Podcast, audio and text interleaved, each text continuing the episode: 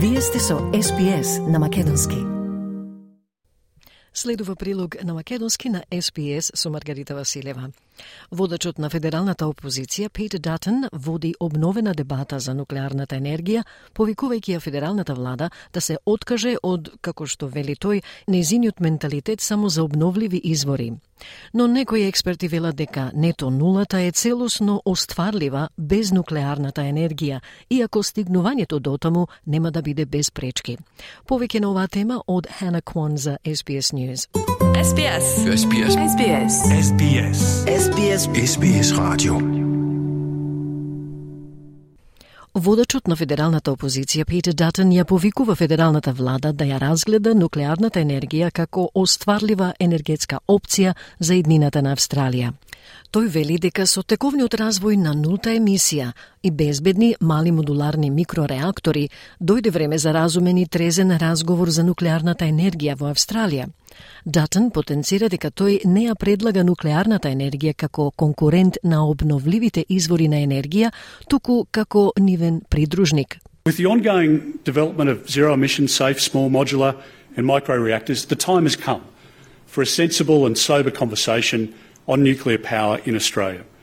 I say again, not as a competitor to renewables, but as a companion. Во својот говор до Институтот за односи со јавноста на 7 јули, лидерот на опозицијата рече дека сегашниот пат на владата за обновлива енергија е премногу скап. Предходно истиот ден тој даде слични коментари за каналот Nine Network. Според Датн, во Канада плаќаат една третина од цените што ги плаќаме во Австралија. Малиот модуларен реактор е истата технологија како што владата ја користи на подморниците, вели тој, што значи може безбедно да се справиме, а воедно и да се зацврстат обновливите извори. Нојке вели датн, батеријата не може доволно да се полни за да ни обезбеди стабилна електрична енергија. Властите, вели тој, во моментот предупредуваат дека без електрична енергија од основно оптоварување, светилките ќе се изгаснат, ќе има пореметување во системот. What's going to bring down electricity prices in our country because they're going up by 29% again this month. And if you look at Canada, they're paying about a third of the prices that we're paying.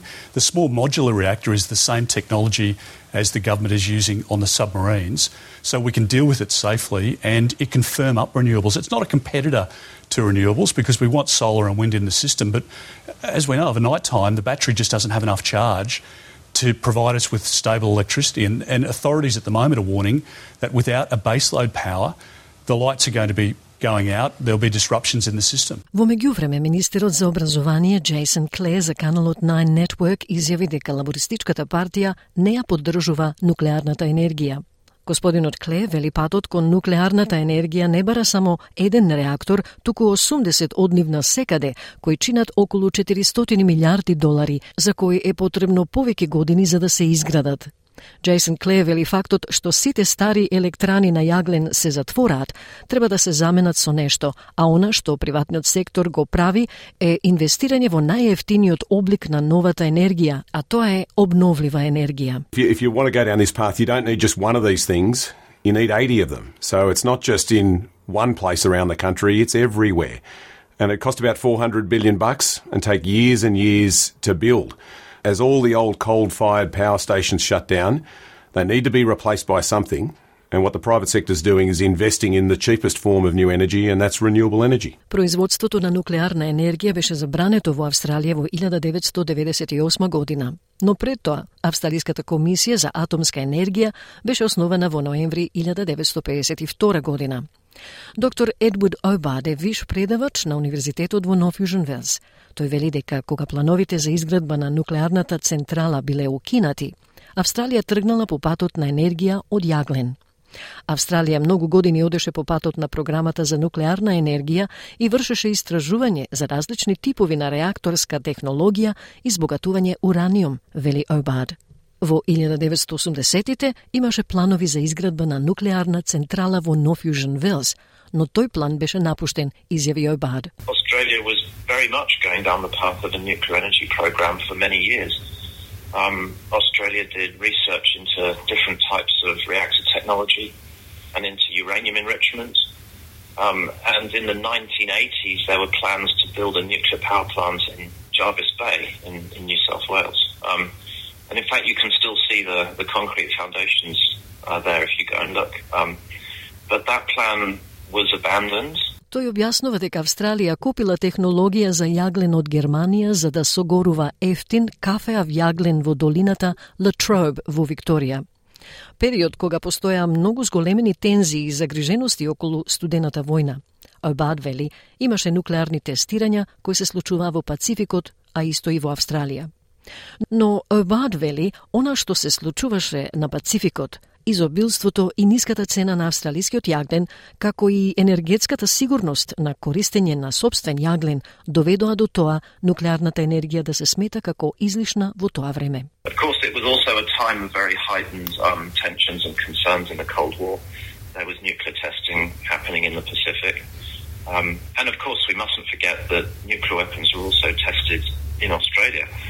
Um, way before then. But I think that what was going on in the Pacific and the abundance and low cost of Australian coal, um, not to mention the you know the fantastic energy security of burning your own coal, meant that really nuclear energy seemed superfluous at that time. Од 1980-тите па наваму, Австралија го промени својот фокус на истражување и производство на нуклеарна медицина. А најновата вест се плановите на Австралија да поседува и управува со подморници на нуклеарен погон според договорот ОКАС. Па тогаш, кои се добрите и лошите страни на нуклеарната енергија? Доктор Ојпад вели дека една од позитивните страни е тоа што нуклеарната енергија е извор на енергија со висок капитал и низок степен на загадување. Тој вели, тоа е контролиран извор на енергија, така што работи во сите временски услови и во текот на ноќта и не треба да се складира енергијата.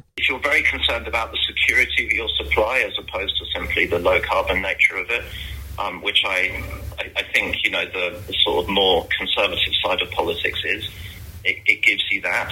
Um, so both security in terms of reliance on imports um, um and also security in terms of it um, being able to, you know, it's a controllable power source, so it works in all conditions, in all weathers at night time, and you don't need to store energy. Обад вели дека количината на земјиште потребна за нуклеарен енергетски систем е многу помала од количината потребна за еквивалентен систем за обновлива енергија. And, and that, you know, that's very valuable to some people. It's very valuable to a certain view of conservation as well, that perhaps we should be taking up less space. Um, rather than more and more. Robin Batterham е почесен Emeritus Kerno професор на Универзитетот на Мелбурн и председател на Net Zero Australia.